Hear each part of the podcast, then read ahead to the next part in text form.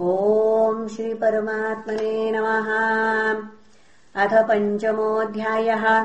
श्रीशुक उवाच। अत्रानुवर्णते भीक्ष्णम् विश्वात्मा भगवान् हरिः। यस्य प्रसादजो ब्रह्मा रुद्रः क्रोधसमुद्भवः। त्वम् तु राजन्मरिष्येति पशुबुद्धिमिमाम् जहि। न जातः प्रागभूतोऽद्य देहवत्त्वम् न नङ्क्षसि न भविष्यसि भूत्वा तम् त्वम् पुनः न भविष्यसि भूत्वा त्वम् पुत्रपौत्रादिरूपवान् बीजाङ्कुरवद्देहादेर्व्यतिरिक्तो यथा नरः।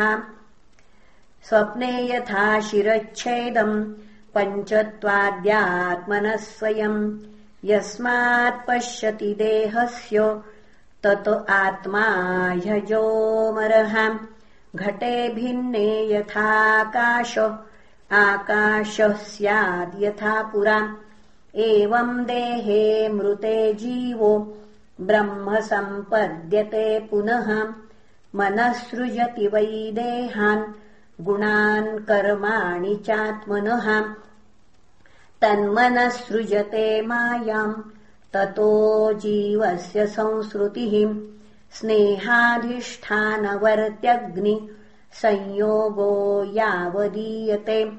ततो दीपस्य दीपत्वमेवम् देहकृतो भवः। रजः सत्त्वतमो जायतेऽथ विनश्यति।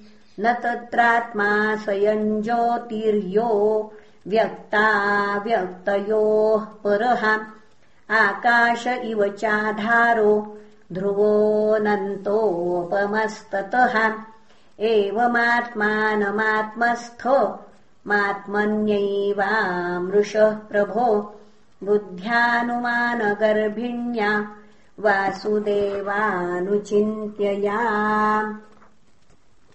चोदितो विप्रवाक्येन न त्वाम् धक्षति तक्षकः मृत्यवो नोपधक्षन्ति। मृत्यूनाम् मृत्युमीश्वरम्।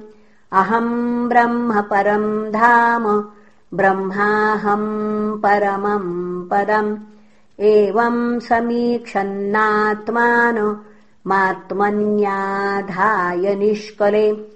दशन्तम् तक्षकम् पादे लेलिहानम् विशाननैः न द्रक्षसि शरीरम् च विश्वम् च पृथगात्मनः एतत्ते कथितम् तात यथात्मा पृष्टवान् नृप।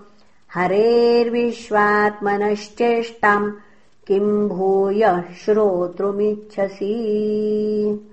इति श्रीमद्भागवते महापुराणे पारमहंस्याम् संहितायाम् द्वादशस्कन्धे ब्रह्मोपदेशो नाम पञ्चमोऽध्यायः।